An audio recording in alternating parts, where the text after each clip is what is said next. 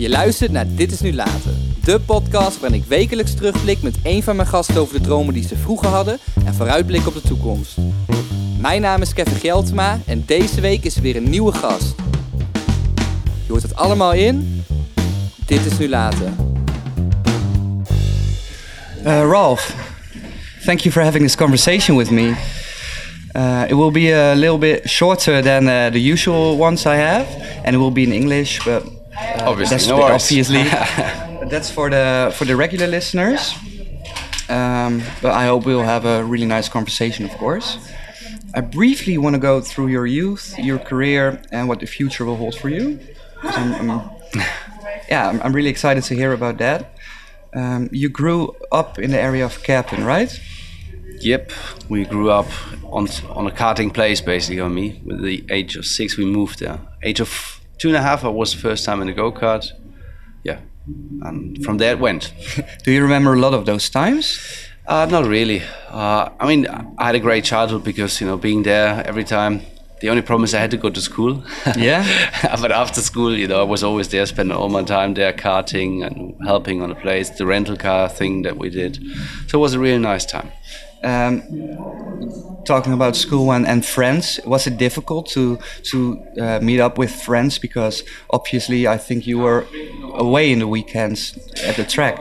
I mean, I had some school friends, but not many, as you're right, because I mean, basically, we were traveling a lot, and most of the time I was spending at the karting place, and uh, my school friends weren't interested in it. And for no? me, but I met other kids down there, so for me that was always fine and nice. But yeah, it was different. I also think that the paddock life is quite, uh, quite close with each other. Like that, that's at least an image that I have. yeah, it is. Uh, especially in karting, it was, and with all the kids. Okay, we were fighting at the track, but next to the track we were playing football or whatever. Uh, so that was really nice time. So you know whether you have friends at karting or in the school doesn't really matter to be honest. Has it ever felt lonely? No, no, no, Luckily. not at all. um, uh, did you always uh, knew what you wanted to be? Did you always dreamed of being a Formula One driver, for example? No, I mean honestly, Formula One was not realistic for me. I, I just you know enjoyed the time that I had. And then uh, we did karting, and all of a sudden I had the chance to do Formula Junior. It was called today is Formula Four. I made a test and I, I, I won it, and uh, so I was able to do one race at Norrisring. Um, so for me, it was never planned. It was just uh, step by step, and uh, you know, we, we didn't have the financial possibility of uh, my my parents. You know, we didn't have the money to, to support us. So we were lucky to find sponsors sometimes and uh, went uh, class by class. And obviously, when Michael joined Formula One, that uh, and he had Willy Weber, that helped a lot. Is, did you also feel a pressure talking about about Michael's career and, and his name? Because, for example, uh, Mick, your nephew, he used to drive with a different last name, with the last name of his mother, and later uh, Mick Jr. because of the pressure.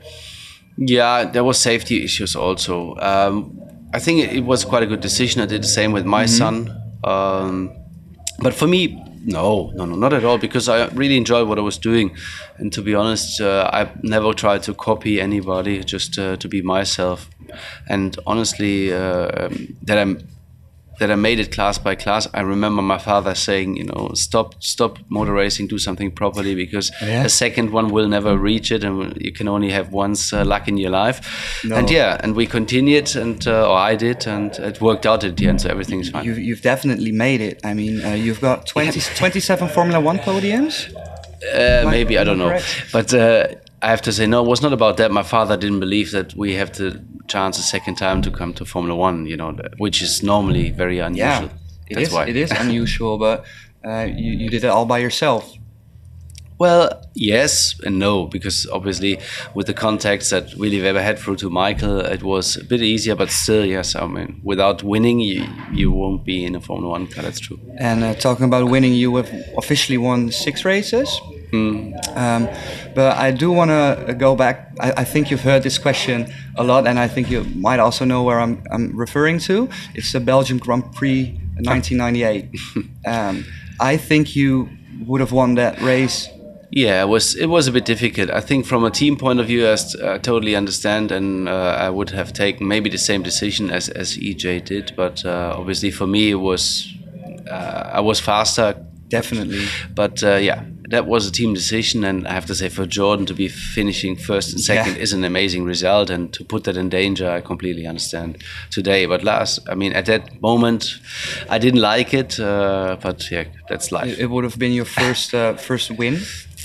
Uh, did it feel like it was stolen from you? No, I just I disagreed on obviously with the decision, uh, which is uh, for a long time, but that's the way it is. I mean, in a team in Formula One, things can be a compromise, and you know sometimes you have to work for the team, not against it, and that was one of those days. Can you can you maybe take me back to the moment that you're driving to the starting grid? The formation lap is is over. Uh, you're parking your car uh, on the grid. You see the lights one by one um, turning on, and right before they uh, they fade, what goes through your mind? Uh, You just concentrate on the lights basically because the reaction time is most important. Uh, and honestly, when it's it's a moment where you're not nervous at all, you just do what you're doing because you have to do it anyway. I mean, for me, I I understand what you mean. When I was spectator and watching starts, I still have that feeling. Whoops! What you know? It, it looks it looks very exciting, and, and it is. But once you're in the car, you just concentrate on that light and concentrate on doing a good job, and you're not nervous at all. You especially see that with, with rain with rain races because uh, um, the visor is uh, is is white. You can you can really see the concentration in their eyes. Yeah. Did you had anything before a race that you had to do to stay in your concentration? No, I, I never did, but there's different drivers and they do reaction stuff. I mean, these days it's a lot more organized, I have to say. I see the young kids already doing some light thing and so to to basically get warmed up and everything. We didn't, or I didn't do it. Um, the only thing about race wet starts, uh, which is very interesting, is obviously the not only the reaction but the very low grip. So you have to be careful not to have too much wheel spin, otherwise, you know, you Yeah, you you to- won't move forward. You have to drive away in the second gear, right? Yeah, exactly. Um, do you remember what went through your mind um, when you first ever won a Grand Prix? Was it like a dream coming true, or couldn't you believe it? or- Well, I know. I mean, uh, it was nice. It, uh, but it, uh, the first thing it, uh, that went through my mind is that it took far too long. I mean, we had the chance twice um, in in Argentina. Argentina. We, we could have won it without, you know, because there we didn't have with. Fisichella, the yes, collision, yeah. but I was so much faster, but there the team didn't say, and we crashed into each other, and it was a shame. And I finished second or third at that race, but um, They've yeah, learned from it. yeah, they learned from it. Yeah, but uh, yeah. No, it took a long time, and even uh, Bernie Ecclestone at that time came to me and said, "Okay, it was about time that you won the first race because there was a special trophy whenever you win a Grand Prix that uh, you get from from Ber- or we got from Bernie." Oh, really? Oh, I didn't. I didn't know that. Yeah, yeah, me neither. Um, I wanna. I, I wanna quickly go to your uh, because you're definitely on time. I wanna really quick go through your uh, future and uh, with a looking back. First, firstly, looking back, would you have done anything different? Because um, when you when you left Formula One, for example, when you went to DTM, you also were in conversation with uh, Force India. Is that is that something you you uh, look back on with the with with mixed feelings or? No, um, it was it was a stage of my Formula One career where I wanted to to be in a competitive car again, and I did this test with Force India, and I have to say that day was for me was horrible because the car was really bad and everything was bad. So, and I didn't enjoy it. And the plan was two test days, and um, you know after one after day one, I said no, sorry, I'm I'm going going home, and uh, you know it's it, if you don't love it anymore, then you have to stop. And for me, it was pretty clear. And the team was very, I mean, just bought by by Vijay Mallya at the time, and There was a friend of yours, yeah, yeah, well, or someone you knew. yeah, yeah, yeah. Kingfisher, the owner. Yeah. You know, that's now. I hope he's not in prison, but he has some some Ta- yeah, let's yeah, tax problems, whatever. And uh, anyway, um, so no, no, it was fine. Then DTM, I really enjoyed, but I was too slow in it. It and I couldn't- it wasn't really a, a competitive car you drove in, right? In the, no, no, no, no, no, no, no. We were winning also, but I wasn't. And in the very first uh, year, it was okay. Then this model of car. At the second year, I was quite fast. I had a podium and so. But then they changed the rules, and uh, with this type of car, I never was fast. And so I would have had another year uh, of contract, but I decided uh, to stop. Because I that was a funny story. Pascal Wehrlein, maybe you know. Yeah, name? yeah, yeah. We had a. I think he's really talented. so- Yeah, we had a week uh, together uh, in like a sports week and training week, and then I met him and I, I called uh, our boss at that time. I said, okay, this is a young guy. I think he's really motivated. Better give him my, my seat. Oh, really? And yeah, yeah. And then I stopped. So that's when I when I started to be like in a team. Manager role. Yeah, exactly. Do you uh, feel like, of how does it feel like to be important for a team, not as a driver, while you also have driven for the team? For me, that was great. Uh, I always, in my life, I always thought, okay, you drive to a certain moment, but then you stop and you do something else. Um, and so I really enjoyed this role. I still, you know, I'm still having or partner with a friend of mine, with Gerd Ungar, in the Formula 4 team that we still own, and it's it's good. Uh, but you know, I'm, I must I must say I'm much more open-minded to other ways in life of business and so on than only motorsport, and I really stayed within the motorsport and I'm more involved now again because of my son actually. Yeah, because David, he is uh, doing Formula 3 right now. Um, how is it as a father to watch your son drive? Is it sometimes scary because you know the dangers of the sport? Funny enough, it's not scary. Um, I mean, because you know the cars are really safe. Okay, anything can happen. But saying that if you go out with a bicycle on the, on the road, it's dangerous. Oh yeah, also. there are uh, also like Nick, uh, Nicky Hayden, for example, a mo- motor driver. He, Yeah. he had a very big accident uh, on a on a on a yeah on a normal So- bike.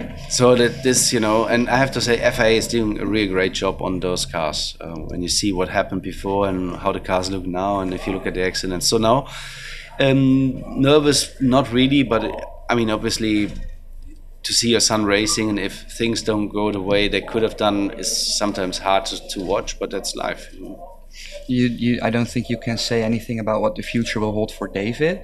But do you see yourself still as a in a managing role, or I mean, I, I, t- I take care for David in the moment, and uh, yes, until you know he's old enough, or maybe we find somebody better uh, to look after him.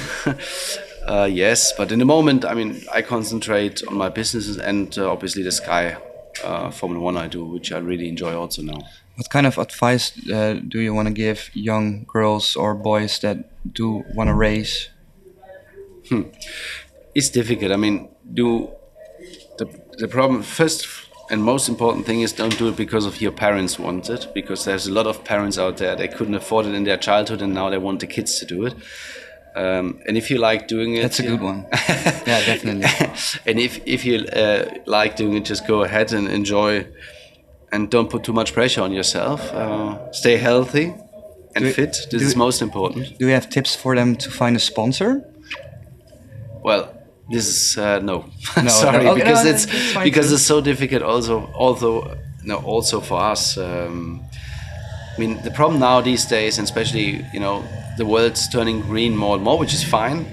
Uh, but uh, you know, big companies find it difficult to support motorsport at the moment as it is. So this is really difficult to find sponsors. But will change also with Formula One turning zero emission in 25 latest.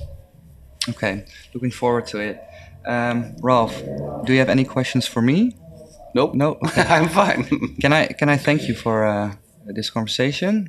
I hope you enjoyed it, and uh, I wish you the best luck this weekend and in the future. Thank you very much. It was a nice interview. Thank you.